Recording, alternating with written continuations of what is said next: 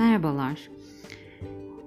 Metaverse ve İnovasyon Akademisi kapsamında bir önceki podcast'te firmalara inovasyon tavsiyeleri, inovasyon başarı tavsiyelerinde bulunmuştuk ve inovatif olmaları yönünde tavsiyelerde bulunmuştuk. Peki firmalar inovasyonu bir tohum olarak bünyelerine nasıl ekip daha sonra yetişmesini nasıl sağlıyorlar? İşte bu noktada insan kaynakları politikası ve inovasyon konusuna değinme gereği duydum. İyi bir biçimde uygulanan insan kaynağı politikası ve elbette bu politikayı belirleyen yöneticiler sayesinde. Yöneticiler sayesinde. Evet, geniş bir perspektifle ileriyi görebilen, fırsatları değerlendirebilen bir bakış açısı çok önemli.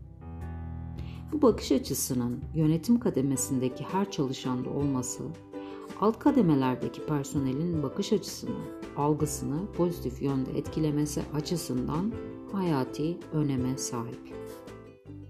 Çünkü yönlendirici olan motivasyonu sağlayan başlıca etmen yönetim kademesinin vizyoner oluşudur. Aksi takdirde 100 yıllık şirket sayısı birkaç e, bir bir elin parmaklarını aşmayan e, bir e, şirket mezarlığına dönüşen bir ortam beklemen bir ortamla karşılaşacağız. Peki inovasyon kültürünün yeşermesi için sadece yöneticilerin tutumları yeterli mi? Yeterli mi? Hayır.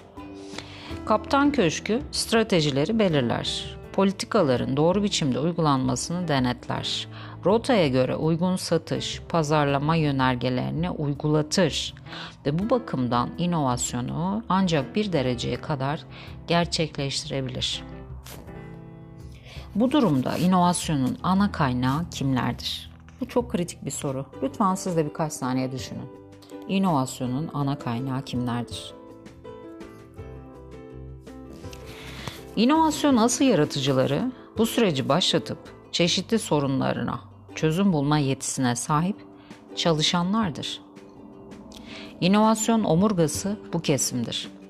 Şirketleri veya kamu sektöründeki kurumları inceleyecek olursanız en çok önerinin alt kademede bulunan veya müşteriye, vatandaşa dokunan hizmetleri veren personelden geldiğini görürsünüz. Ben kamuda çalıştığım süreç boyunca özellikle personelin inovatif fikirlerine değer verdim ve inovasyon yarışmalarını personeller için de düzenledim. Hem çocuklar hem personeller hem de tüm vatandaşlar için uygulama politikası içerisinde oldum. Personele ödüllerin verilmesine sağladım. Gerekli iyileştirmelerinde yapılması için ön ayak oldum. E, bunun tabii her e, kamu kurumunda veya firmada yaygınlaşması gerekiyor. İnovasyon alanında en çok emek harcayan insanlar bu profildeki insanlar. Sorunla yaşamaktansa onu çözmek isteyen, algıları gelişmiş analitik insanlar. Tecrübe kazandıkça ve daha fazla eğitim olanağı elde ettikçe inovasyon alanında üretici olmaya devam ederler. Tabii etik olmayan çalışanları bu e, noktada e, süzgeçten geçirmeniz ve elemeniz gerekir. Çünkü etik olmayan çalışanlar inovasyon kültürüne zarar verirler. E, o yüzden bu kişileri elemeniz gerekir. İş dünyasının günümüzde eriştiği olağanüstü bir tempo var. Ayakta kalmak isteyen şirketler bunu başarabilmek için çalıştıkları alanda inovasyon yapmayı hedefleyen çalışanlara fırsat vermeli, onlara özel ve değerli olduklarını hissettirebilmelidirler. Bu şirketlerin sadece insan kaynakları departmanlarında çalışan personelin değil, tüm departmanların önceliği olmalı. Fırsat vermek ve onlara özel ve değerli olduklarını hissettirmek. Yöneticiler bu konuda büyük hassasiyet göstererek yönetsel ve organizasyonel açıdan uygun koşulları hazırlamalı. İnovatif bakış açısına sahip çalışanlar mobbing veya benzeri olumsuz etkilerden uzak tutulmalı. Buna ilişkin önlemler alınmalı. Bu yönetimin bir sorumluluğudur. Kısacası inovasyonu başarabilmiş çalışanları teşvik edici, ödüllendiren bir yapı benimsenmelidir. Aksi takdirde bir kaos ortamına itilen inovatif çalışan kendini suçlu, mutsuz hisseder. Motivasyonunu kaybeder.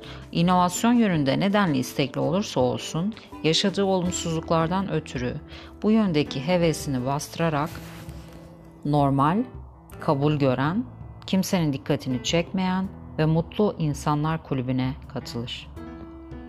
Çalışandan çok şey bekliyorsanız şayet onlara değer vermeli ve onların inovasyon yapabilmesi için uygun ortamları sağlamak zorundasınız. Tabi bu etik çalışanlar için söz konusu. İnovasyon dolu günler dileğiyle.